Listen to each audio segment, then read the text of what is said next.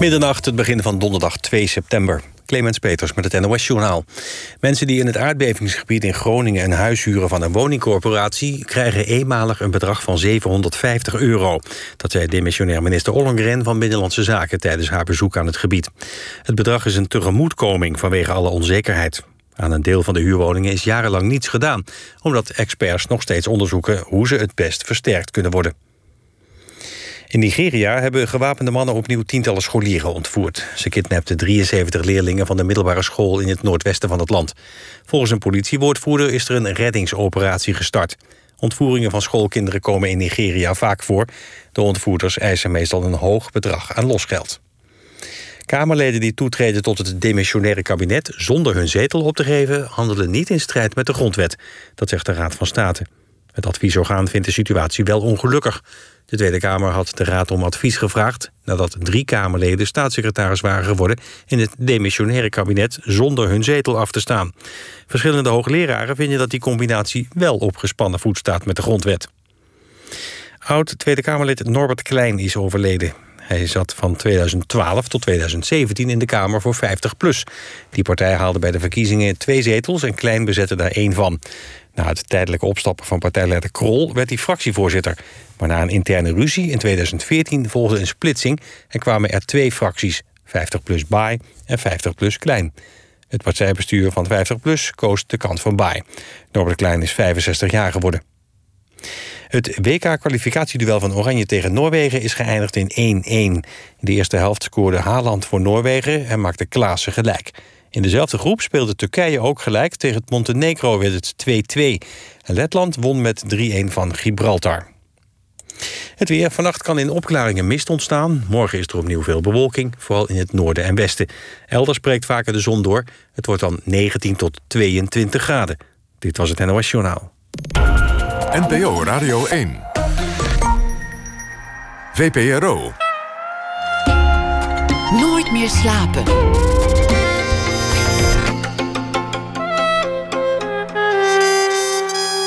Met Pieter van der Wielen.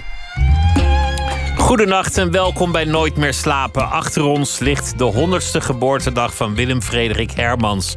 Een dag die niet ongemerkt voorbij ging. In Amsterdam, de Nieuwe Kerk, is een monument voor de grote schrijver onthuld. En omdat dit programma de titel aan een van zijn boeken heeft ontleend, zullen ook wij Hermans gedenken. Wie konden we daarvoor beter uitnodigen dan Max Pam, schrijver, columnist, liefhebber van het werk van Hermans en liefhebber van de polemiek. Hij maakte al een keer een documentaire over Hermans, heeft de man nog wel eens gesproken, heeft het werk van hem verzameld, al dat soort dingen. Max Pam is uh, vaste columnist van de Volkskrant, daarvoor van NRC Handelsblad en werd geboren in 1946. Max, hartelijk welkom. Wat leuk dat je ja. te gast wil zijn hier. Zeker. Hoe, hoe heb je dat uh, herdacht, de, de geboortedag van, van Hermans? Heb je iets gedaan? Uh, ik heb een stukje geschreven waarbij ik in mijn achterhoofd had... ik moet een polemisch stukje schrijven, een beetje in de geest van Hermans. Een beetje Zal op, misschien op de, niemand opvallen, maar dat doe ik dan voor mezelf. Het stukje is me wel opgevallen vanochtend in de Volkskrant. Je, je viel een collega aan eigenlijk. Ja, nou ja, dat... en, en vrij direct. Ja. Je dacht, nou ja, Hermans 100, Hermans laat, ik, 100. laat ik het eens doen. Ja, laat ik maar weer eens... Kijk, uh, ik weet nog dat Simon Kammerelt heeft gezegd dat hij... Hij vergeleek zichzelf met een leeuw die het hele jaar ligt te slapen. Maar één keer in het jaar moet hij een enorme klap uitdelen. Dus we hebben het nu over de mannelijke leeuw, hè, want die vrouwen die, uh, zijn altijd aan het jagen. En uh, zo voel ik me soms ook als uh, polemist. En, je Laat één, ik nog één keer in het jaar heb je, dan heb je het nodig om al je energie kwijt te raken. En dan uh, geef je iemand in het voorbijgaan een enorme klap. Nou ja, dat, dat idee had ik vaag. Maar ik dacht, het is de geboortedag van Hermans. Niemand zal het opvallen, maar Een kleine laat ik het maar eens doen. Ja. Krijg je dan eigenlijk nog op je falie van de Volkskrant als het over collega's gaat? Niet echt. Ik kreeg wel een berichtje van de hoofdredacteur dat mijn, uh, dat mogelijkheden onbegrensd zijn. Het woord onbegrensd werd gebruikt. Dus ik, ze vinden het niet leuk, maar het, uh, ze zullen het me niet verbieden, dat ik het zo zeg. Waarmee ze aangeven dat ze vinden dat je zelf jezelf moet beheersen. Omdat zij, dat is een beetje zo'n schoolmeester die zegt Van nou, ik ben niet boos, maar wel teleurgesteld. Nou, dat ook niet. Nee, nee, nee, nee, nee. nee. Ik, ik wil ook niet uit privé eh, Correspondentie eh, citeren. correspondentie citeren. Maar eh, ik hoefde me geen zorgen te maken, laat ik het zo zeggen. Wat, wat betekent Hermans voor jou? Hoe, eh, hoe groot is de rol van Hermans in jouw bestaan? Eh, nou, die is er al heel lang. Eh, want eh, ik ben eigenlijk aangekomen via mijn vader. Die was. Die is in de oorlog bij het illegale parool gekomen. En na de oorlog in, daar in vaste dienst. En eh, daardoor kende hij allemaal mensen als eh, Adriaan Morien, uh, eh, Max Noord. En die kwamen ook wel bij ons thuis. En die hadden een heel levendig literair leven. En in, dat, in, in die polemische toestanden tussen al die mensen die elkaar ook wel aanvielen, daar kwamen ook ineens Hermans bovendrijven. En mijn vader had twee eh, schrijvers waar hij erg van hield. Het was, eh, de eerste was Jan Kremer en de tweede was eh, Willem Frederik Hermans. Dus als er een nieuw boek van Kremer uitkwam of een nieuw boek van Hermans, dan las hij dat als eerste. En ik weet nog, toen ik eh 17 was, toen kwam de Mandarijnen uit. En toen heeft hij naar Hermans gebeld in Groningen. En een exemplaar besteld. En eh, dat heb ik nog steeds met een eh, collage erbij. En een opdracht van Hermans met eh vulpen geschreven. En dat, was, dat is mijn, mijn begin. Dat las ik. En dat, daar was ik eigenlijk meteen door gegrepen. La- Laten we het hebben over het boek Nooit meer slapen. Dat, dat is uiteraard, naar mijn mening, dan het beste boek van Hermans. Dat hoor ik te zeggen als je een programma met die titel presenteert. Ja, vind ik niet. Maar eh, Ja, maar ik ontkom daar niet aan. Ja, er zijn anderen die misschien ook heel goed zijn. Maar het, wat wel interessant is aan Nooit meer slapen... is dat het hele wereldbeeld van Hermans er goed in terug te vinden is. Nou ja, als geoloog natuurlijk vind je het in terug. En eh, wat je erin terugvindt is ook een zekere afschuw voor de medemens. Hè. Eh, eh, een van zijn eerste novelles die gaat over landingspogingen op Newfoundland. En eh, daarin zei hij wel eens dat eh, op de overtocht naar Canada die hij toen maakte... dat hij altijd bij andere mensen dacht... zijn eerste gedachte was, hoe kom ik van ze af? En eh, in Nooit meer slapen zit het eigenlijk ook. Het is een, een eenzaam avontuur. Het is een soort Knoet Hamsun-achtige literatuur. Van iemand die is weliswaar in een hele kleine kring... maar in die kring is hij eigenlijk ook heel eenzaam. De anderen zijn eigenlijk al. Nou ja, die, die zijn met hem mee op expeditie. En eh, ik heb die expeditie ben ik, eh, heb ik een keer gevolgd met een cameraploeg. Ik ben naar al die plekken geweest en al die bergen waar, die, waar die een van zijn hoofdpersonen van een berg naar beneden dondert, of van een gletsjer naar beneden dood neervalt. En eh, dat heb ik, heb ik helemaal nauwkeurig gevolgd om dat eens te kijken. En ik ben ook toen naar de universiteit geweest van Oslo en ook van Bergen. En toen vroeg ik, wat vinden de Nooren nou eigenlijk van deze roman? Het was ook in eh, het Noors vertaald. En had niks gedaan in Noorwegen. Toen zeiden ja, dat is zo'n boek als Nooit meer slapen... zal eigenlijk nooit de Nobelprijs kunnen krijgen. Want eh, voor een Noor is het onvoorstelbaar dat je onvoorbereid zo'n expeditie begint. Zoals die Alfred in dat boek, ja, die is eigenlijk helemaal niet goed voorbereid. Die heeft de verkeerde kleren aan, de verkeerde schoenen aan. Eh, eh, ze moeten vissen, maar hij weet eigenlijk niet hoe dat moet. En eh, ja, nou ja, goed, hij doet eigenlijk in het diepste wezen alles verkeerd. Hij heeft ook de goede luchtfoto's niet. Dus hij begint aan zo'n expeditie, maar eigenlijk op een, op een hele onvoorbereide manier. En de, de vinden en- dat een, een en, naïveling. en de Noor zal nooit onvoorbereid dat vreselijk gebied van Fin- Finmarken binnengaan. Dat is typisch iets voor een Nederlander om dat te doen. Dus Noor moet een beetje om deze roman lachen. En in jouw documentaire zegt de gids ook op dat cruciale moment... ja, daar gaan we niet naartoe. Die, die plek zelf, hier, we gaan hier niet van het pad af. Nee, nee. Nee, ik ben ook bijna verongelukt. Want er waren van die quads. En, eh, die, die sloegen op een gegeven moment om. En zat ik dus vastgeklemd tussen, de, tussen zo'n quad en de aanhangwagen. Hebben ze dus echt moeten lostrekken. Want anders had ik mijn nek gebroken. Dat herinner ik me nog heel goed. Dat was een heel geest- angstaanjagend moment. Wel de geest van het boek natuurlijk. Was helemaal in de geest van het boek geweest. Ik had ook, had ook niet kunnen klagen als het was gebeurd. Maar eh, ik was toch blij dat ik net ontsnapt was. Ja. Het, het mooie aan het boek is dat de spanning zit niet in het slagen van, van de missie. Dan was het een soort jongensachtige avonturenroman geweest. Maar je weet eigenlijk al op bladzijde drie... dit wordt helemaal niks. Nee, maar dat weet je in wezen bij alle romans van Hermans. Dat is mi- de mislukking- mislukking. Is het uitgangspunt. Ja, is, uh, totale misantropie noemt hij dat ergens. Ja. De wereld is vijandig, het universum is vijandig. Nee, niet, de, niet de, de, eigenlijk is de mens niet zozeer vijandig, maar de wereld. Dus de, de, de, de elementen. Ja, de elementen. Hermans heeft altijd het idee gehad dat de mens helemaal niets op zou kunnen tegen de elementen. Dat die elementen de personages eigenlijk altijd zullen vernietigen aan het eind. En daarom is uh, Nooit meer slapen wel helemaal precies een boek wat hij alleen geschreven kon hebben. En de man gaat op een, op een wetenschappelijke missie. Meer om persoonlijke redenen. Hij wil iets bewijzen wat niet te bewijzen valt, wat waarschijnlijk ook niet eens waar is. Nee. Hij wil een meteoor vinden. Het heeft ook iets te maken met zijn vader, die ja. die, die, die wil overtreffen, of in ieder geval wil wreken ten opzichte van het lot. Ja, dat vind ik het zelf eigenlijk het, een beetje niet het sterkste deel van het boek. Eh, daarom hou ik zelf veel meer van de donkere kamer. En eigenlijk hou ik het meest nog van. Uh, ik heb altijd gelijk. Want uh, dat is eigenlijk ja, dat een oer-Nederlands boek.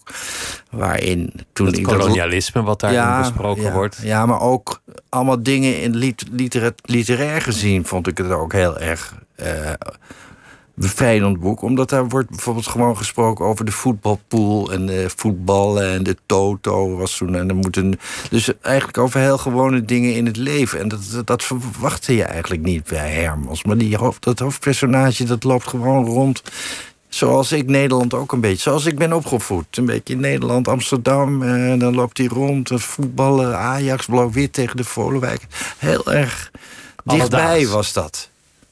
En ik, door mijn vader, die chef buitenland was bij het Parool... heb ik ook eigenlijk die hele uh, dekolonisatie van dichtbij mee kon maken. Want mijn vader was uh, bevriend met Hatta... en die, die heeft die hele besprekingen uh, gevolgd. En je had Zaltas, die wiens vrouw een verhouding begon met Hatta. Het gaat dus misschien een beetje allemaal veel te ver.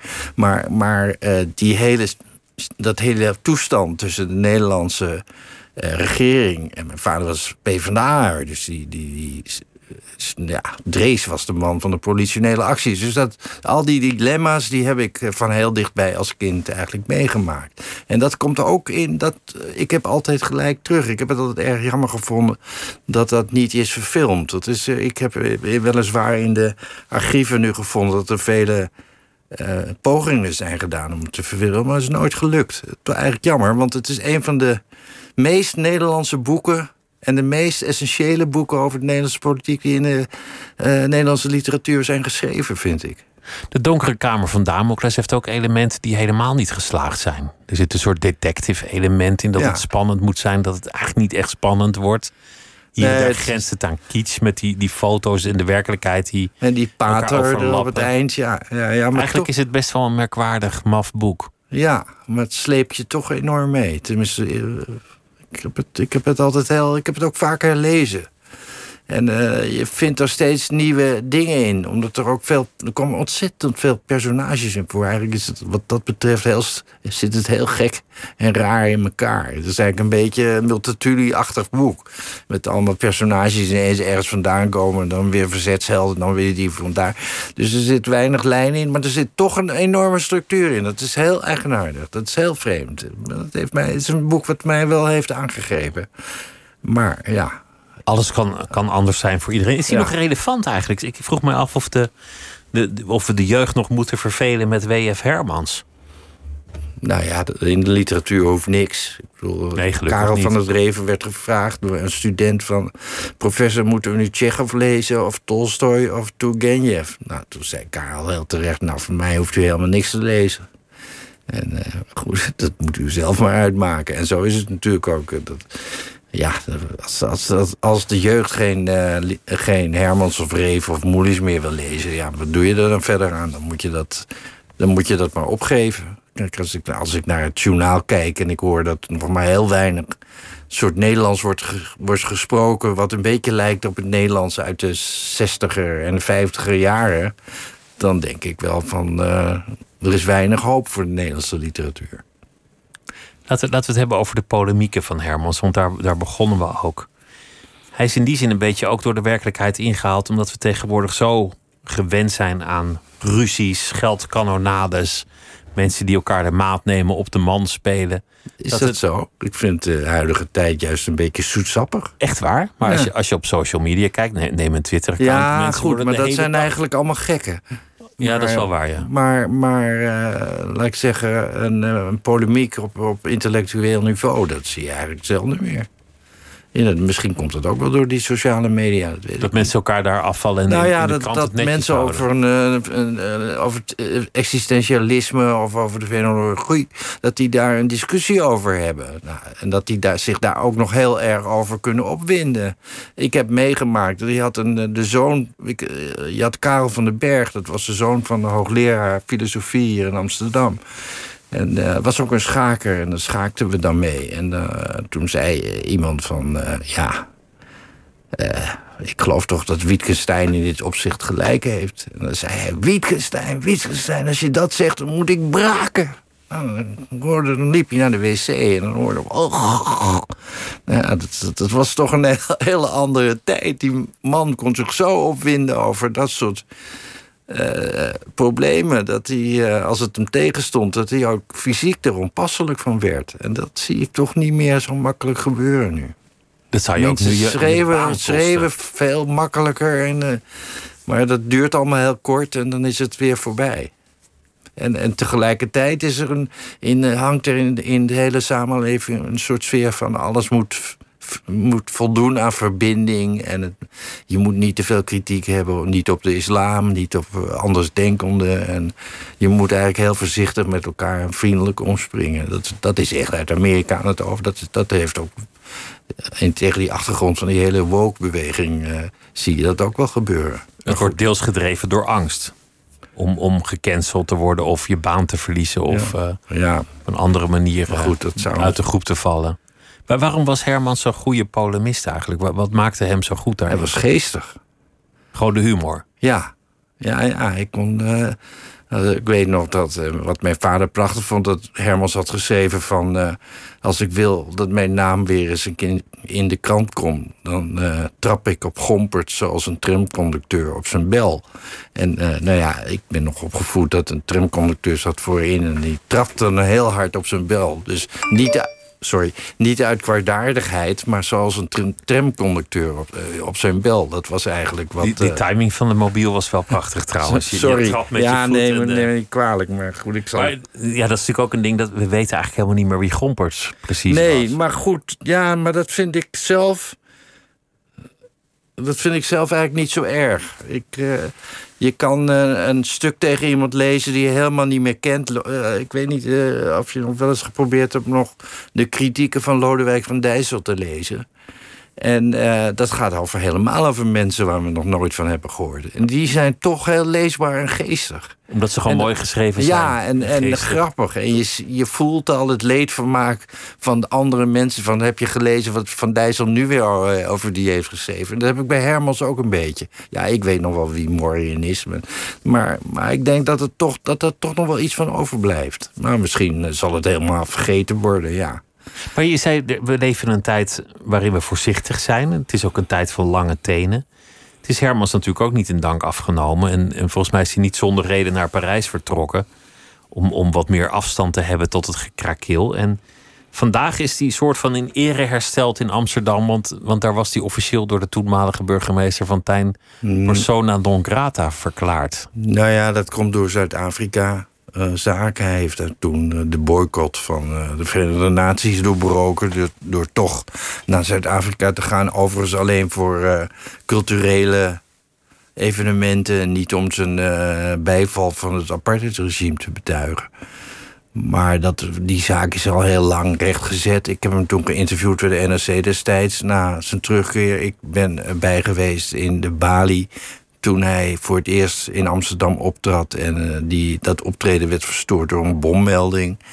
Eh, ik heb die idiotie van Annemarie Grewel meegemaakt... die in de gemeenteraad voor elkaar heeft gekregen... dat hij eh, tot een persona non grata werd uitgeroepen... waar Ed van Tijn zich achter heeft geschaard... en die zich dan later weer heeft verontschuldigd. En ja, wat, wat, wat mevrouw Halsema nu heeft gedaan... dat is eigenlijk al, al veel eerder door Ed van Tijn gedaan. En ik herinner me, ik, eh, als ik de archieven goed in mijn hoofd heb zitten... dat Herman zelf heeft gezegd... zand erover, uh, ik, ik spoed het weg met een spons of zoiets. Maar goed, het heeft hem wel heel lang dwars gezeten natuurlijk. En het, uh, ja. Hij was gecanceld toen het woord nog lang niet bestond. Ja, ja. ja. Dus het is in die zin wel een, een mooi parallel met deze tijd. Ja, ja maar goed, hij, ten eerste had hij natuurlijk zelf een Surinaamse vrouw... die hij overigens niet mee naar Zuid-Afrika heeft genomen. Uh, daar zegt hij wel iets over, uh, ergens in een van de brieven aan een van zijn vrienden... Van, uh, dat hij dat haar niet wilde aandoen, maar dat hij het aan haar heeft voorgelegd... en aan haar de beslissing heeft gelaten. En het was zo dat zij, als ze meeging naar Zuid-Afrika... kreeg ze een speciale status van uh, ja, een blankie status van iemand die dan niet blankie was. Dan kreeg een, kennelijk een apart soort paspoort. En, uh, maar dat heeft hij toch niet willen doen. Maar hij is later met zijn vrouw wel. Heeft hij nog een boek geschreven over uh, Suriname, de laatste resten van tropisch Nederland. Wat hem ook alweer niet in dank is afgenomen. Maar ja, eigenlijk is dat wel een, toch wel een heel goed boek. Dat gaf eigenlijk ook alweer een, toch een wat ander beeld van, dat, uh, van hoe Van Nederland... kolonialisme. Want dat had, eh, zijn hele familie zat, waar- zat natuurlijk in Suriname. De, de Van Liers en Van Meurzen. Die zei, dat was allemaal eigenlijk aangetrouwde familie... die allemaal daar woonde en ook in Nederland woonde. En dat, die, eh, ja, we waren hier allemaal intellectuelen overigens. Die waren hier nog in Wageningen, had je Van Lier, die was ook leraar. Eh, waren allemaal hele... inter- Helman had je nog, de schrijver. eh, de Cola de Brot bijvoorbeeld, die nu weer is gecanceld... omdat hij een roman heeft geschreven... die heet Mijn zuster de negerin. Nou, dat wordt, als je negerin mag niet meer. Dus laatst stond het in de NRC met allemaal puntjes. Dus stond Mijn zuster... Moest je eerst eruit... Wat, hm, wat, wat staat daar nou eigenlijk? Dus moest je raden dat daar Het- het de N-woord. negerin had gestaan. Nou ja, zulke belachelijke dingen. Krijg je een boek wat dan... eh, 70, 60 jaar geleden is geschreven... dat we daar nu ineens heel moeilijk over gaan zitten doen. Dat heeft iets voorkomen bespottelijk. En die Cola de Brot was een hele goede vriend. Van die, die was een Antilliaan. En eh, die was arts. En die was ook arts in, eh, in de oorlog, in de Tweede Wereldoorlog, in Amsterdam. En eh, daar is hij, eh, Hermans is met, die, met Cola de Brot, is hij, die heeft heel vaak eh, begeleid op, op eh, tochten door, door Amsterdam naar, naar zieken. En, eh, en Hermans ging dan mee om, om die mensen te verzorgen en te kijken hoe de wereld in elkaar zat. Er, er is dat gesprek geweest. en We hebben daar een fragment van van Adriaan van Dis. Jij hebt dat nog als redacteur voorbereid, dat, dat gesprek. Ik was geen redacteur, maar ik heb toevallig dat gesprek destijds voorbereid. En ik geloof dat Adriaan van Dis ook begint met het maken van een fout. En hij heeft altijd gedacht dat ik hem die fout expres heb laten maken. Maar het gaat een beetje te ver, omdat... eh, Hij gaf jou de schuld van zijn, van zijn vergissingen. Ja, precies. Maar, maar goed, je hoort Hermans, wat leuk is, je hoort dat hij heel erg geestig is. Dat, dat, hij, dat hij ook een beetje dominant probeert te zijn in dat, in dat gesprek. En het, het is eh, spetterende televisie geweest. Ik mag u even Nee, u mag mij niet onderbreken. ik ben helemaal uit Parijs gekomen om u te woord te staan. En die, de, mijn kostbare tijd, die moet u mij gunnen. En moet u Maar niet met vervelende onderbrekingen komen. Nee, het is een vertelgesprek van mijn kant. Eh, het, is dus, het is dus helemaal niet zo... Ik, ik bewonder die toestanden niet. Hè. Het is zo... Je hebt een bepaalde internationale restaurants... waar blank en bruin en zwart door elkaar zit. Wordt niemand gediscrimineerd, wordt niemand onaangenaam behandeld. Maar je hebt ook andere plaatsen waar dat niet mogelijk is. Hè, Je hebt bepaalde plaatsen zoals Johannesburg... waar aparte autobussen zijn. Daar staat er dan eufemistisch op voor Europeanen en voor niet-Europeanen. Je hebt andere steden zoals Kaapstad waar dat niet is. Hè? Meneer Hermans, dit zijn allemaal zaken de kleine apartheid betreffend. En ik Ja. besef al te zeer dat waar het gebied wat de kleine apartheid betreft... er verbeteringen plaatsvinden. Toch moet ik u hier en daar... Ah, ik ben eh, wel erg van u dat u dat erkent. Nee, dat erken ik met dat- genoegen, U maar bent meneer een zeldzame eend in de wijk, Maar- in de Nederlandse wijk. dat is dan ook de reden waarom we hier naast elkaar in gesprek zijn misschien. Maar Tegenover elkaar. tegenover elkaar. Tegenover elkaar. Ja. af en toe kwam hij wel gevaarlijk in de buurt van het soort van bagatelliseren van, van de apartheid in dat gesprek. Eh, ja, ik, ik, ik- ik geloof niet dat voor- bagatelliseren helemaal het goede woord is. Maar nou ja, hij, hij eh, wordt natuurlijk uitgedaagd door eh Adriaan van Dis... die, die eh, Zuid-Afrikaans heeft gestudeerd. En die natuurlijk heel erg betrokken was bij de zwarte bewet terecht ook overigens.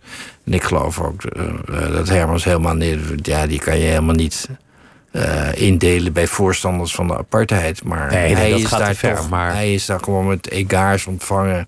En, en ik heb die toch naar eh, Zuid-Afrika overigens ook opnieuw gemaakt. Dus ik heb al die mensen gesproken die destijds hem hebben ontvangen tot, de, tot de mevrouw Bota aan toe, hoogleraar Nederlands destijds in eh, familie uiteraard.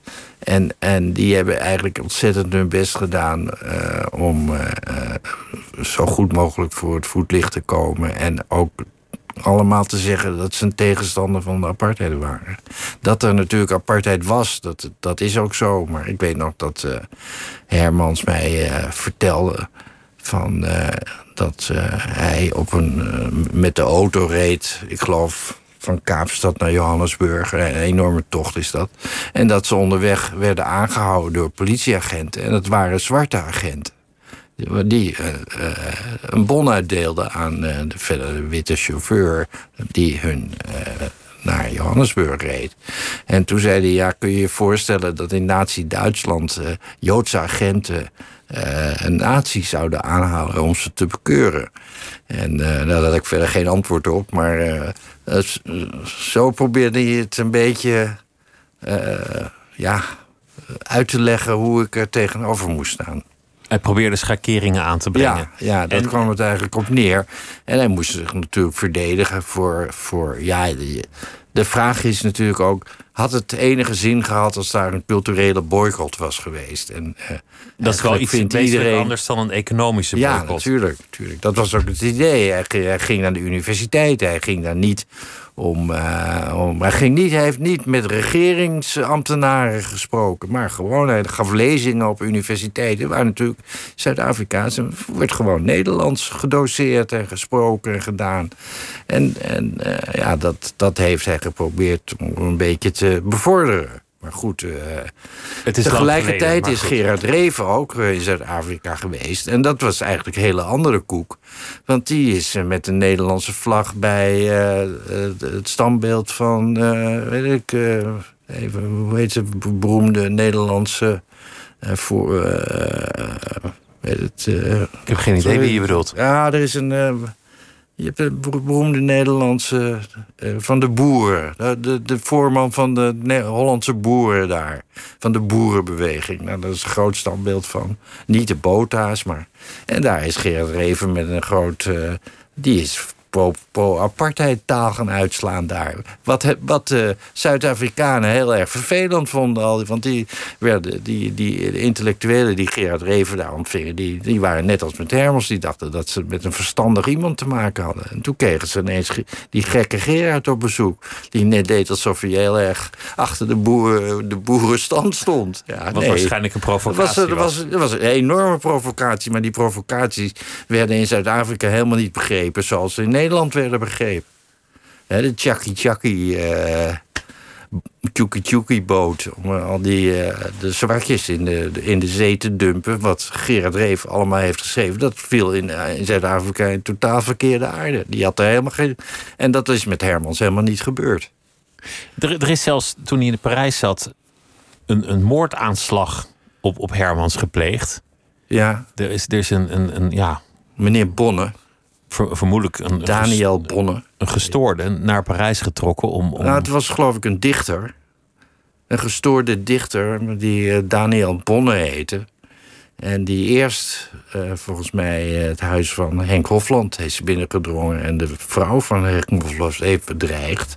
En die is, heeft later hetzelfde gedaan in, in Parijs met Hermans. Ja. onvoorstelbaar toch achteraf een, een literaire aanslag. Waar, waar als je het zo terugleest ook is niet niet zo zoveel verontwaardiging over was. Ja, maar dat, ja, als je, ik weet niet, eh, ik, zelfs ik heb dat wel eens meegemaakt. Ik heb het ook wel eens bij Donner gezien. De schaker die schreef stukjes. En dan kwam er, ineens stond, werd hij achtervolgd door een man die zei... eh, meneer Donner, u heeft alles van mij gestolen. Al uw ideeën heeft u van mij gestolen. Wat u, u bent een enorme dief. En, en eh, mensen die schrijven een idee hebben, die hebben vaak zo iemand achter zich aan. Hermans had ook zo iemand achter zich aan die zich verbeelde dat hij het allemaal had bedacht. En dat hij. eh, het is niet voor niks dat er eh, gekken in een tehuis zitten die denken dat ze Napoleon zijn. Zo zijn er ook gekken die denken dat ze Hermans zijn, of, of Donner zijn, of Moody zijn. Dat is, komt veel vaker voor dan je denkt. Ja, gekken zijn van alle tijden natuurlijk. Dat is, Ja, maar goed, dit, dit was toch gek, want deze man is eerst eh, destijds... Ik, ik geloof dat hij niet meer leeft, maar dat weet ik niet helemaal zeker. Ik heb geprobeerd om te, zoeken of die misschien nog ergens... eh, maar ik geloof het niet. Maar die is toen, eh, dat is allemaal begonnen dat hij, eh, dat hij Hofland heeft eh, beschuldigd van plagiaat. Hofland had al zijn ideeën gestolen. En, en ook het boek waarin hij het had vastgesteld was gestolen. En de gedichten die hij had geschreven, die waren gestolen. Die stonden dan ineens in een boekje van, van, van Hofland of in, een boek, of in een gedichtenbundel van Hermans. Ja, zo zijn vreemde vreemde verschijningen in de wereld. Het is niet anders. Ik bedoel, Paranoia, eh, een van de vroegste boeken van Hermans... Dat, eh, het is ook een manuscript in, het, in, het, in, in een inrichting gevonden. En dat voorspelt eigenlijk al min of meer die figuur... die later bij hem eh, de boel kort en kijk opslaan. dat er iemand zal langskomen. Voor wie inschakelt, het is Nooit meer slapen in gesprek met Max Pam... naar aanleiding van de honderdste geboortedag van Willem Frederik Hermans. En we hebben het gehad over het schrijven van polemieken... in de geest van W.F. Hermans, die daar fantastisch goed in was. Vooral omdat hij grappig was. En dat is noodzakelijk voor elke polemiek. Het is, het is geestig dat jij houdt van de strijd en van de discussie... terwijl je zelf beledigd kunt worden... en terwijl je zelf ook een geheugen hebt voor belediging. Dat, dat je zelf eigenlijk Nou ja, met ik heb- rancune kunt omkijken. Ja, ja ik, ik, heb, eh, ik heb tegen mezelf gezegd... Ik, eigenlijk kan ik el- elke belediging aanvaarden. Alleen de belediging van racisme, die wil ik niet. Die accepteer ik niet. Dus als iemand tegen mij zou zeggen van... eh, wat een keer is gebeurd, van je bent eigenlijk een racist...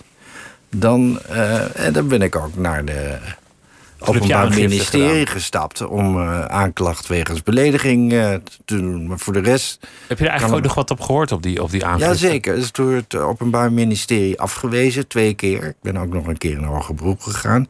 Ongeveer met, eh, met de verklaring van... ja, het, we geven toe, het heeft, het, het- het- die, die beschuldiging slaat nergens op... maar het hoort gewoon bij het algemene debat.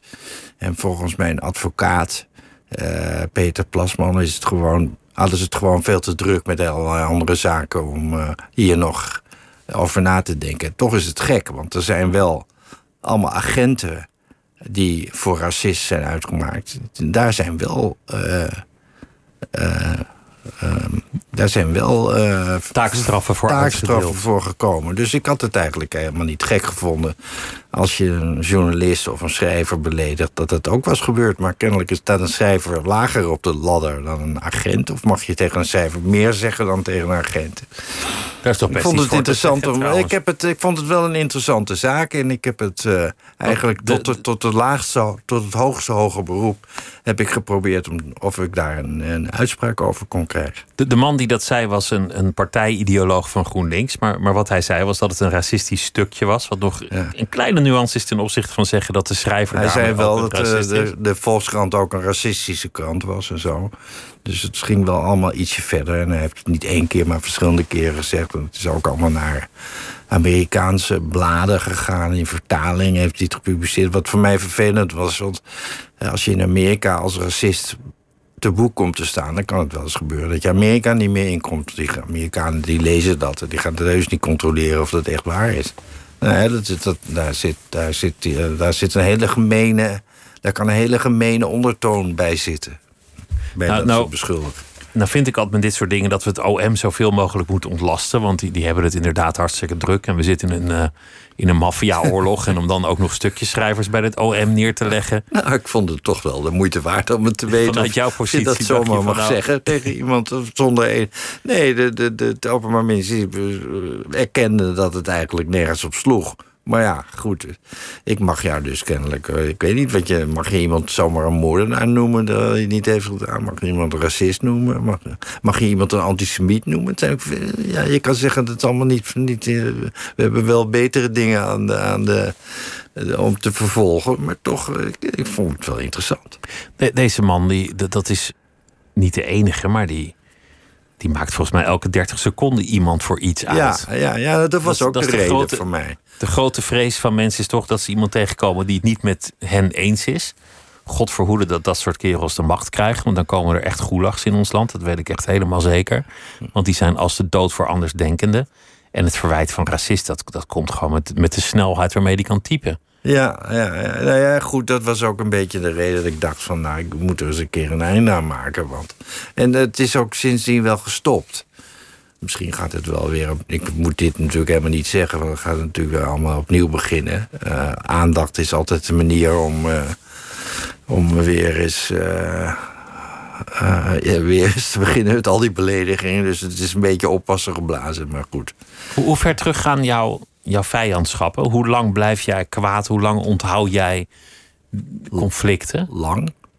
Zul je die de rest van je leven met je mee? Ben je onvergevingsgezind? wel, ja. Ja, het wordt wel, eh, het slijt wel, maar eh, ik weet van heel veel dingen nog wel van vroeger dat ik, als ik iemand een, een lul of een zak vond, dat, dat weet ik na 50 jaar nog wel, ja. Dan vind je het nog steeds een zak.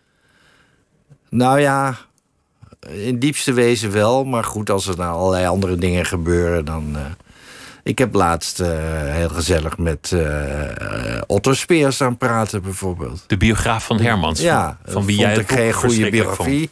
En die was weer heel beledigd dat ik daarover geschreven heb. En eh, die heeft mij toen weer voor alles uitgescholden. En ik geloof dat Tom Wieringa nog heeft gezegd dat ik een levend lijk was. Dus nou ja, het gaat allemaal, eh, eh, dat is allemaal prima, dat mag. Maar goed, dus, maar Dat, nu... dat vond ik fantastisch. Dat was in de geest van Hermans. Iemand schrijft een biografie, er komt strijd, iedereen wordt boos op elkaar.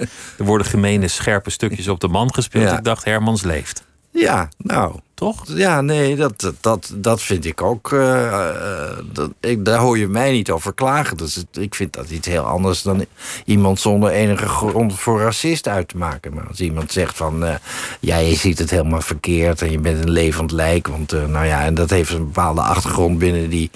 Binnen die eh, polemiek, eh, binnen dat gehakketak over, eh, over hoe je Hermans moet bekijken. Ja, dat, dat is all in the game. Dat, het zal ook niemand over klagen uiteindelijk. Nog van de ene kant, nog van de andere kant. Je noemde je vader. J- Jij bent eigenlijk gewoon geboren in het krantenleven. Niet op de redactie zozeer, maar je werd, je werd wel bij geboorte al een paroolbaby genoemd. Ja, ja. Ja, ik geloof dat iemand dat schreef dat ik de eerste paroolbaby was. Dus ik was het eerste kind. Kijk, na de oorlog in 45, toen zijn al die redacties die zijn gevormd van het parool en van al die kranten en nieuwe. En eh, de, de, de, de heerste natuurlijk eh, na de bevrijding een enorme vrolijke stemming. Eh, je had Remco Kampert, heel, heel Europa is één groot matras. En daar hoorden mijn ouders natuurlijk ook bij. En in, in, in dat gewoel ja, daar ben ik gewoon geboren midden op een krant. Dus ik, ik ben als klein jongetje... Ik weet nog dat... eh, eh, ja, er was zo'n gedoe tussen mannen en vrouwen. Wie met wie ging. En, en als er dan een vrijdag, de laatste vrijdag van de maand... dan werd het geld uitbetaald. Het ging in die tijd nog met zakjes geld... waar dan cashgeld in zat. En ging dan in een soort... Kwam er een man op de redactie met een groot bord voor zich... en die zaten die papieren zakjes met geld, salarissen in. Iedereen kreeg zijn salaris. En, maar de vrouwen van die journalisten, die stonden op vrijdag buiten. Want die dachten, ja, onze man krijgt zijn salaris. Het café is aan de overkant. We kennen die journalisten. Wij vangen ze op voor, voordat alles alweer is opgesopen. Zo, zo, die stemming was er. En dan ging ik wel met mijn moeder mee aan de arm. En dan stonden al die vrouwen buiten. Ook om gezellig mee te gaan natuurlijk naar het café. Maar ook om ervoor te zorgen dat niet meteen alles werd opgemaakt. En dat niet meteen iedereen dronken naar huis en vrolijk ging en dansen en wat dan ook. En dat was toch een geweldig leuke tijd. Tom van Duinhoven, Edo Spier, al die mensen. Simon Carmichelt, H.G. Hoekstra, eh Sjaan de Roos, eh, Annie M. Schmid. Al die mensen liepen daar rond. En die hadden, die hadden de tijd van hun leven. Dat heb ik eigenlijk nooit meer. Die vrolijkheid heb ik nooit meer meegezien. En die heb ik als kind toch heel erg sterk ervaren. Dus eh, ik ben eigenlijk iemand met een hele gelukkige jeugd wat dat betreft. En Hermans liep daar op een gegeven moment doorheen met een, eh, met, eh, met een grote pikhouweel... om eens af en toe zo wop, door iemand zijn, zijn hart heen te stoten. Ja, dat vond ik ook heel mooi. Dat, was ook, dat, dat gaf ook weer... ja, en er was elke avond of elke was er cabaret... en wat ze zelf maakte. En iedereen deed eraan mee. Dus Hermans het was eigenlijk heel logisch dat jij zelf uiteindelijk ook zou gaan schrijven. Dat, dat, nou, ik heb, eerst gedaan, lijn. ik heb eerst gedaan wat mijn moeder deed, namelijk eh, onderwijzer. Maar ja, ik begreep al snel dat dat helemaal niks voor mij was. En daarna ben ik eh, gaan doen wat mijn vader deed, ja. En dat vond ik eh, eigenlijk meteen heel erg leuk.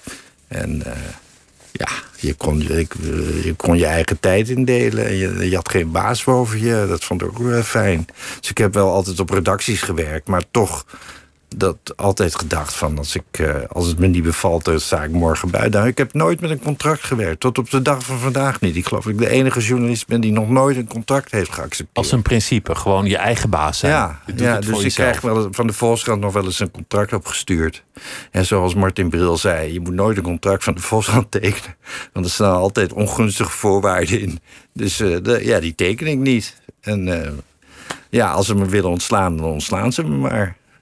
Dat kan dezelfde dag nog. Je Dat kan dezelfde dag nog. Dat zal ik, eh, geen bescherming. Maar dat, dat nee, nee, maar die, die- dat, dat, ik heb geen bescherming. Maar ik heb ook geen verplichtingen. En dat is ook heel fijn. Vrij En ik leven. kan iedereen. Mijn vader zei altijd: je, je, eh, je moet één ding onthouden. Je moet tegenover het personeel. Wat, wat, wat eh, on- aan de onderkant zit, moet je altijd beleefd, aardig zijn en beschaafd en netjes. Maar je moet trappen uitdelen tegen de mensen die macht over je hebben. Tegenover je bazen en tegenover de hoofdredacteur. Die moet je beledigen. En dat deed hij ook vaak. Jouw en- vader heeft je eigenlijk een, een fijne jeugd bezorgd, ondanks dat, dat, dat hij v- vanuit een Joodse familie kwam. Ja. Het, het gaat via de moeder, dus jij bent officieel niet, Nee. niet Joods, maar je, je bent er natuurlijk wel in geboren. Ja. Heel kort na die oorlog. Ja. Dus, dus hij heeft al dat leed niet op jou overgedragen. Zeker niet, nee. Dat was, een hele, dat was eh, echt eh, bewust. Hij heeft eigenlijk nooit eh, mij lastiggevallen met het leed van de familie. En ik heb het later nog wel eens een keer allemaal uitgezocht. En ik heb er een, boek over geschreven. Maar eh, hij heeft me er nooit over lastiggevallen. Dat was in zekere zin eh, een gekozen oppervlakkigheid. En daar ben ik hem eigenlijk heel erg dankbaar voor. Dat hij, en dat, daarvan heb ik ook geleerd dat oppervlakkigheid veel menselijker is dan diepzinnigheid. Eigenlijk heb je niks aan diepzinnigheid, ook in de literatuur niet. Hermans is ook een oppervlakkige schrijver. Iemand die, waar je meteen om moet lachen, waar je meteen van ziet... ja, dat is leuk. En de, de Heideggeriaanse literatuur, ja, dat is pseudo-diepzinnigheid. Dat is, dat, is, eigenlijk, dat is eigenlijk nooit iets interessants... Eh, Ik wil niet zeggen nooit, maar eh, eh, hè? je begrijpt wat ik bedoel. Maar smalltalk is een deugd, om het over alledaagse dingen te hebben. oppervlakkigheid is een de, de oppervlakte is een de, voordat je de, gewoon de werkelijkheid al leert kennen. Ik bedoel, in die zin is wetenschap ook oppervlakkig. Want het, de wetenschap wil weten hoe het zit. Maar die wil niet weten wat de, wat de zin erachter is. Zodra je achter de, gaat denken, wat is de zin der dingen? En dan kom je in, in grote hoge sferen van diepzinnigheid. Dan wordt het vervelend. En in, in die zin denk ik dat je beter oppervlakkig kunt zijn dan diepzinnig. Ik hoop dat ik me goed heb uitgedrukt. Ja, ja het, het is me heel helder. Er is wel eens over jou ge- geschreven door, door collega's van vroeger dat je lui bent. En daar kan ik me zo weinig bij voorstellen. Het is ook, dat was vroeger zo. Maar Omdat je, dat je enorm productief bent en al, al 50 jaar columns schrijft. En ja, met, met, een, met een enorme belezenheid. Maar, maar toch is dat iets wat ze zeggen. Jij zegt dat is vroeger zo. dat, Vroeger heb was zelf, lui. eh, dit- dat is een mythe die ik eigenlijk min of meer zelf in, de- in Je hebt de zelf de luie. Max Pan bedacht. Nee, nee, maar ik, toen, ik ben begonnen. Mijn eerste ambitie was om schaker te worden. Eh, Het liefst wereldkampioen. Ik merkte al snel dat ik daar helemaal het talent niet voor had. Maar ik ben wel heel lang tot, eh, tot, tot, tot over mijn dertigste elke dag naar het schaakcafé gegaan. En dan ging ik gewoon, eh, dat dan hing je dan tot twee, drie uur s'nachts. Dan ging je naar huis. En, net als Donner, eh, dan stond je om vier uur op. Dus je voerde eigenlijk nooit een flikker uit. En dat heb ik vrij lang volgehouden. Tot ik een vrouw tegenkwam, waar ik een kind bij kreeg. En die zei, eh, hallo, eh, we hebben een gezin, ga maar eens aan het werk. En dat heeft mij eh, getriggerd om eh, eh, gewoon hard te gaan werken. Toen bleek dat heel erg leuk te zijn. Dat had ik eigenlijk helemaal niet gedacht. Een regelmatiger leven. Nou ja, gewoon stukjes schrijven. In het begin uh, ploeter je daarop en doe je een hele dag. En, uh, en dan ben je een half jaar verder en dan merk je... hé, hey, ik heb het in mijn vingers. En als je het in je vingers hebt, wordt het leuk. En als je het leuk hebt, dan krijg je een beetje invloed. En uh, de volgende keer worden mensen een beetje boos. Nou ja, en zo... zo kom je in een soort wereld terecht die je zelf geschapen hebt. En dat, uh, dat heb ik eigenlijk altijd heel aantrekkelijk gevonden. En tot de dag van vandaag, want ik word deze maand 75, moet je voorstellen. Gewoon een bespottelijke leeftijd. En ik heb eigenlijk helemaal geen zin om. Uh, ja, ik zie geen verschil met uh, wat, wat schrijven betreft. Daar heb ik het idee van, ik weet meer dan toen ik 25 was. Dus je, dus je blijft ook gewoon schrijven zolang. zolang Als het, het mag van de kranten. Ja, waarom zou ik stoppen? Je, je, hebt, je hebt op je 50ste een, een bloeding gekregen. Ja, een hersenbloeding. De 51ste, ja. Op je 51ste. Ja, zoiets, ja. Dat, dat had natuurlijk heel lelijk kunnen aflopen. Ja, ik heb, veel, ik heb heel veel geluk gehad. Of, ja, ja. Of, of je brein kwijt, of, of weet ik het. Nou ja, ik, zat in, ik kreeg zo'n hersenbloeding. En die heb ik overleefd. En uh, ben ik in een soort programma gekomen van de universiteit. En dan gingen ze kijken van mensen die tegelijkertijd met mij dat hadden gehad. En toen bleek dat ik in de. Uit, na vijf jaar zat ik in de groep, anderhalf, met anderhalve procent groep, die eigenlijk zijn leven op een normale manier had voortgezet. En de andere mensen zijn in rolstoelen terechtgekomen. En die zijn, die hebben, zijn nooit meer teruggekomen. Maar er, was een, er is een hele kleine groep waar ik dan toevallig doe. Kijk, als die hersenbloeding uh, een klein stuk verder in de hersenen zich had voorgedaan. Dan had, was ik misschien mijn spraak kwijtgeraakt. Of, of, of mijn sociale vermogen kwijtgeraakt. En artsen zeiden ook destijds tegen mevrouw... u moet er wel op rekenen dat uw man een enorme karakterverandering door zal maken. En dat het zal misschien uh, tot een scheiding leiden... of tot een heel ander mens die u misschien helemaal niet kent.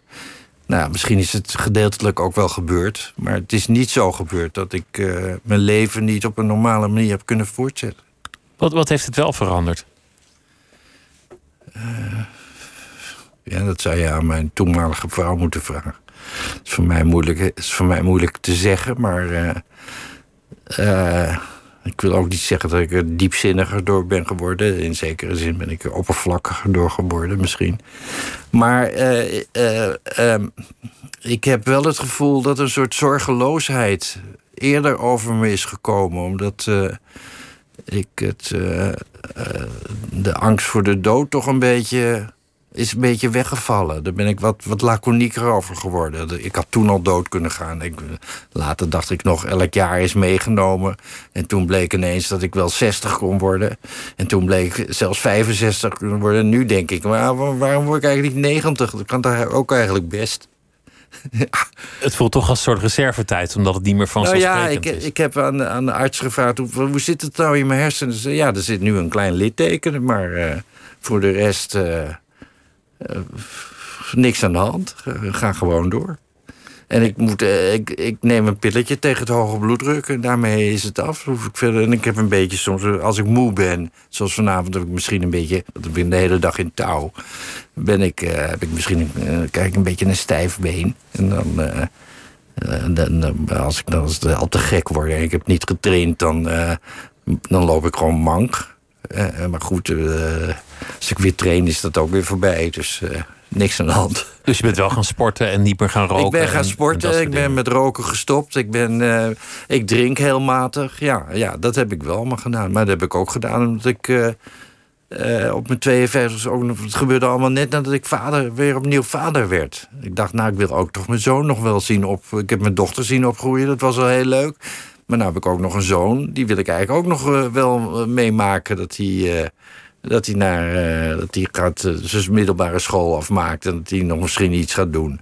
En, en nou ja, dat is zo, zo uh, heb ik, zo grabbel ik er weer een paar jaar bij elke keer. Heb je, heb je die schakendroom helemaal opgegeven en daarmee met het schaken ook achter je gelaten? Nee, niet opgegeven. Ik ben, ja, ik heb het opgegeven, maar ik, heb, ik schrijf tot de dag van vandaag over schaken. Ik heb een, een schaakrubriek in het Parool. Eigenlijk is dat het allerleukste wat ik doe. Het is dat, dat schaken is voor mij ja, zoals andere mensen stripboekjes lezen. Dus, dus je Ontspannend. Kijkt, ja, je kijkt zo'n diagrammetje en dan... Ja, ik vind het leuk om de schaakgeschiedenis bij te houden... om die partijtjes na te spelen. En daar elke week uh, een stukje van 400 woorden over te maken. En dat probeer ik zo te doen dat ik denk dat andere schakers... er soms een beetje om moeten lachen... of uh, dat ze er plezier aan beleven. Dus ik, ik, het idee dat er iemand thuis zit met een bord voor zich en dat stukje naleest en dan die partij ook nog doorneemt. Ja, dat geeft me enorme vreugde. Ja. Maar wat als er, want die computers worden steeds beter. Stel als gedachte-experiment. Stel er zou een computerprogramma komen dat het schaken helemaal doorgrond en elke partij kan winnen. Is, maar, ik, maar ook vanaf elke meer. set. Dus, dus vanaf Ja. elke elk is- bord binnen zeven zetten kan ja, die, dat kan is wel lang. Google heeft lang een programma gemaakt dat, alles, dat het hele schaken heeft gekraakt. Ik kan al niet meer van mijn, van mijn iPhone winnen. Moet je je voorstellen, ik heb gewoon mijn telefoon hier in mijn, in mijn pochetje zitten. Nou, ik- er zit een schaakprogramma in waar ik geen schijn van kans tegen maak. Is Maar dan niet de alleen ik. eruit? Is dan niet, niet eigenlijk de sport weg als, als een Ja, computer ik vind het ook kan? een, eh, het is een tragedie voor het schaakspel, de uitvinding van de schaakcomputer. Ja, in het begin hadden we dat helemaal niet in de gaten, maar dat eh, bes- beschouw ik wel. De tijd dat, eh, dat er echt werd geschaakt met twee uur, tweeënhalf uur bedenktijd en afbreken naar 40 zetten. En eh, secondanten die zich dan over eh, de stelling moesten buigen en eh, hele nachten bezig waren. Dat, dat, dat is niet meer, die romantiek is voorbij. Want je dat pakt ik- je iPhone en je kan winnen. ja, ja je kan nu, als een partij nu afgebroken zou worden, zou iemand naar zijn computer gaan en zeggen we meteen zien wat de beste zet is. Ja. Nee, dus. Eh, En dat schaken is nu. Iedereen wordt nu gefouilleerd als hij eh, gaat schaken. En de mensen zijn nu. eh, mogen nooit meer schaken omdat ze op de wc zijn aangetroffen met hun iPhone stiekem verstopt in, in, in, in, in Bill Spleet.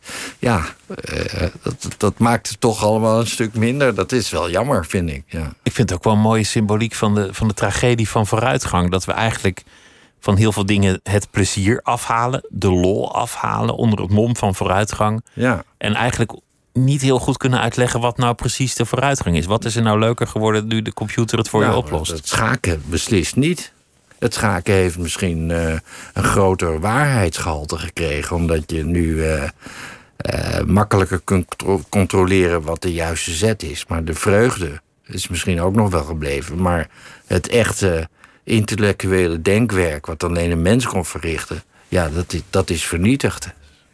En dat vind ik, eh, dat vind ik, heb ik wel altijd heel treurig gevonden. De romantiek is er vanaf gehaald, voor een deel. Nou ja, die schakers zelf hebben nog wel een gemeenschap gecreëerd van, eh, van outlaws en van, van bohemiens. Maar dat is toch ook niet meer zoals vroeger. Dat je, eh, dat je schakers kon aantreffen diep in de nacht, eh, slapend op een, eh, op een bank en alleen maar. met in hun hoofd drank en gedachten. Er is drank en gedachten en nou ja. De tijd van de, bohemienschap is, dat is voorbij. Het zijn, die schakers zijn nu ook mensen geworden die naar de fitness gaan en, en goede condities hebben. En, eh, Sportdrankjes drinken. Ja, ja.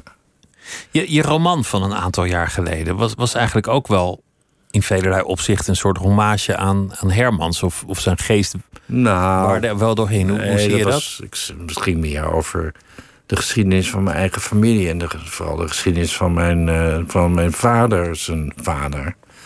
Dus dat is meer, eh, dat is meer een, zoektocht geweest naar. eh, nou, het is een zoektocht. Kijk, ik kom uit. PAM is een, dat zijn eh, diamantbewerkers geweest uit de socialistische beweging in de 19e eeuw. En ik heb dus eigenlijk geprobeerd het beeld te schetsen van arme diamantbewerkers die zich omhoog probeerden te werken. En diamantbewerkers in Nederland waren. Het was de intellectuelen onder de, onder de arbeiders. Die hadden hun eigen zangvereniging, eigen operavereniging, eigen leesclub, eigen krant, eigen bibliotheek, eigen uitgeverij. En eh, eh, ja, daar hoorde mijn grootvader heel erg bij. Die was de oprichter van de AVVL, dat is de Arbeidersvereniging voor Lijkverbranding. Dus dat was de eerste crematoria. Toen, toen uh, Domela Nieuwenhuis, de grote anarchist, socialist, doodging. Toen heeft mijn vader, mijn grootvader nog met de kist van het eh, Rembrandtsplein naar Driehuis Westerveld gelopen. Ja, met de trein. En toen terug van, de, van, van daar naar eh, Columbarium. En eh, dat was toen eigenlijk, cremeren was toen heel, nog verboden. Maar dat, dat, dat hoorde helemaal ook bij het socialisme, dat cremeren. Dat kun je nou ook nauwelijks meer voorstellen. Bij een soort verheffingsideaal. Ja, hoorde bij een verheffingsideaal. Dat Hoezo dan? Wat, wat, wat heeft ja, dat was tegen dan- het christendom. Het christendom was, dat stopte mensen in de grond en dan kwamen de wormen in en dat was ziekteverspreiders. Dat idee had men ervan. En, eh, ja, eh, verassen, dat was eigenlijk eh, veel netter en veel beschaafder dan, eh, dan eh, dat hele idee van. eh, en ze geloofden, waren ook atheïsten. Dus ze geloofden ook helemaal niet dat je naar hiernamaals ging. En dat je dat uit, uit het lichaam de ziel opsteeg naar de hemel. Dus dat, dat zat er allemaal achter. En mijn grootvader heeft destijds is door heel het land gereisd om overal eh, het cremeren aan te bevelen. En die had die grote redenvoeringen. Er kwam ook direct eh, conflict met eh rabbijnen die daar erg tegen waren. Die hadden hetzelfde idee als, als de dominees en de, en de katholieken.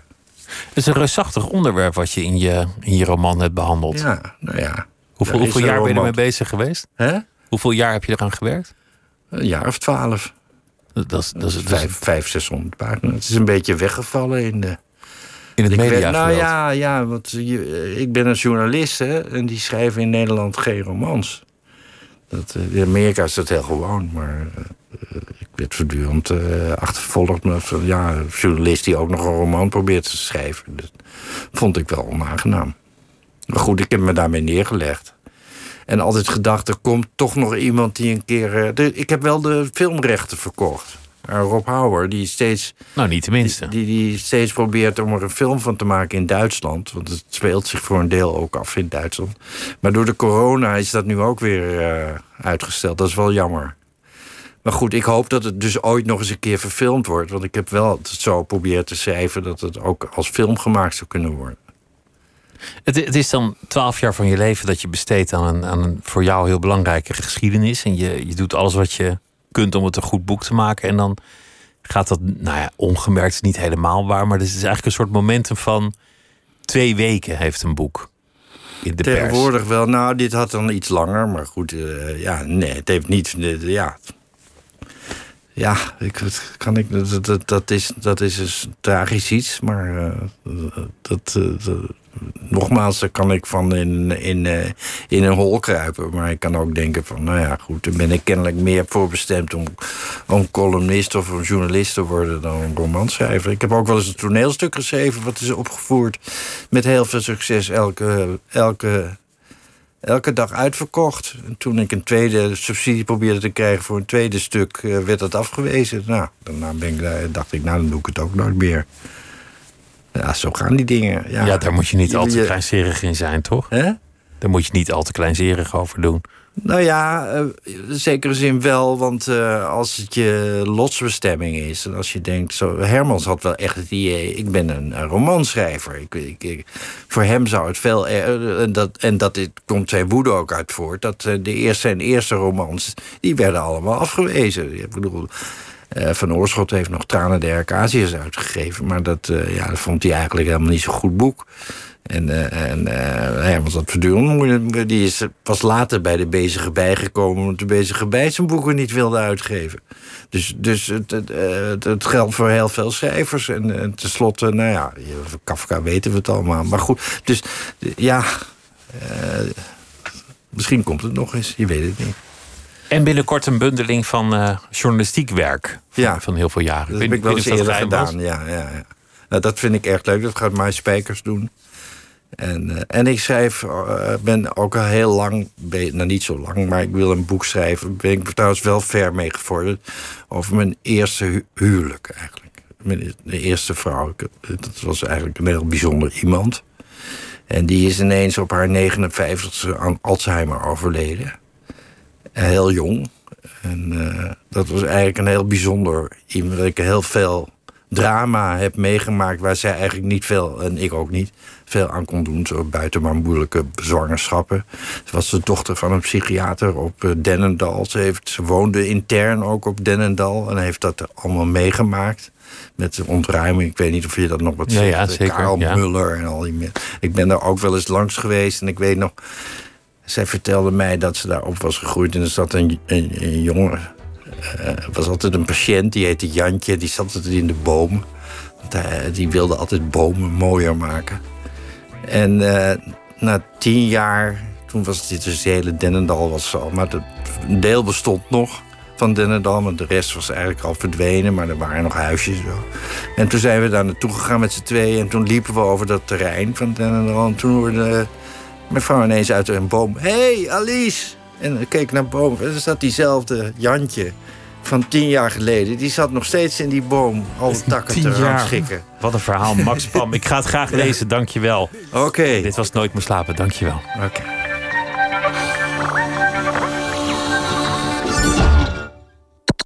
NPO Radio 1.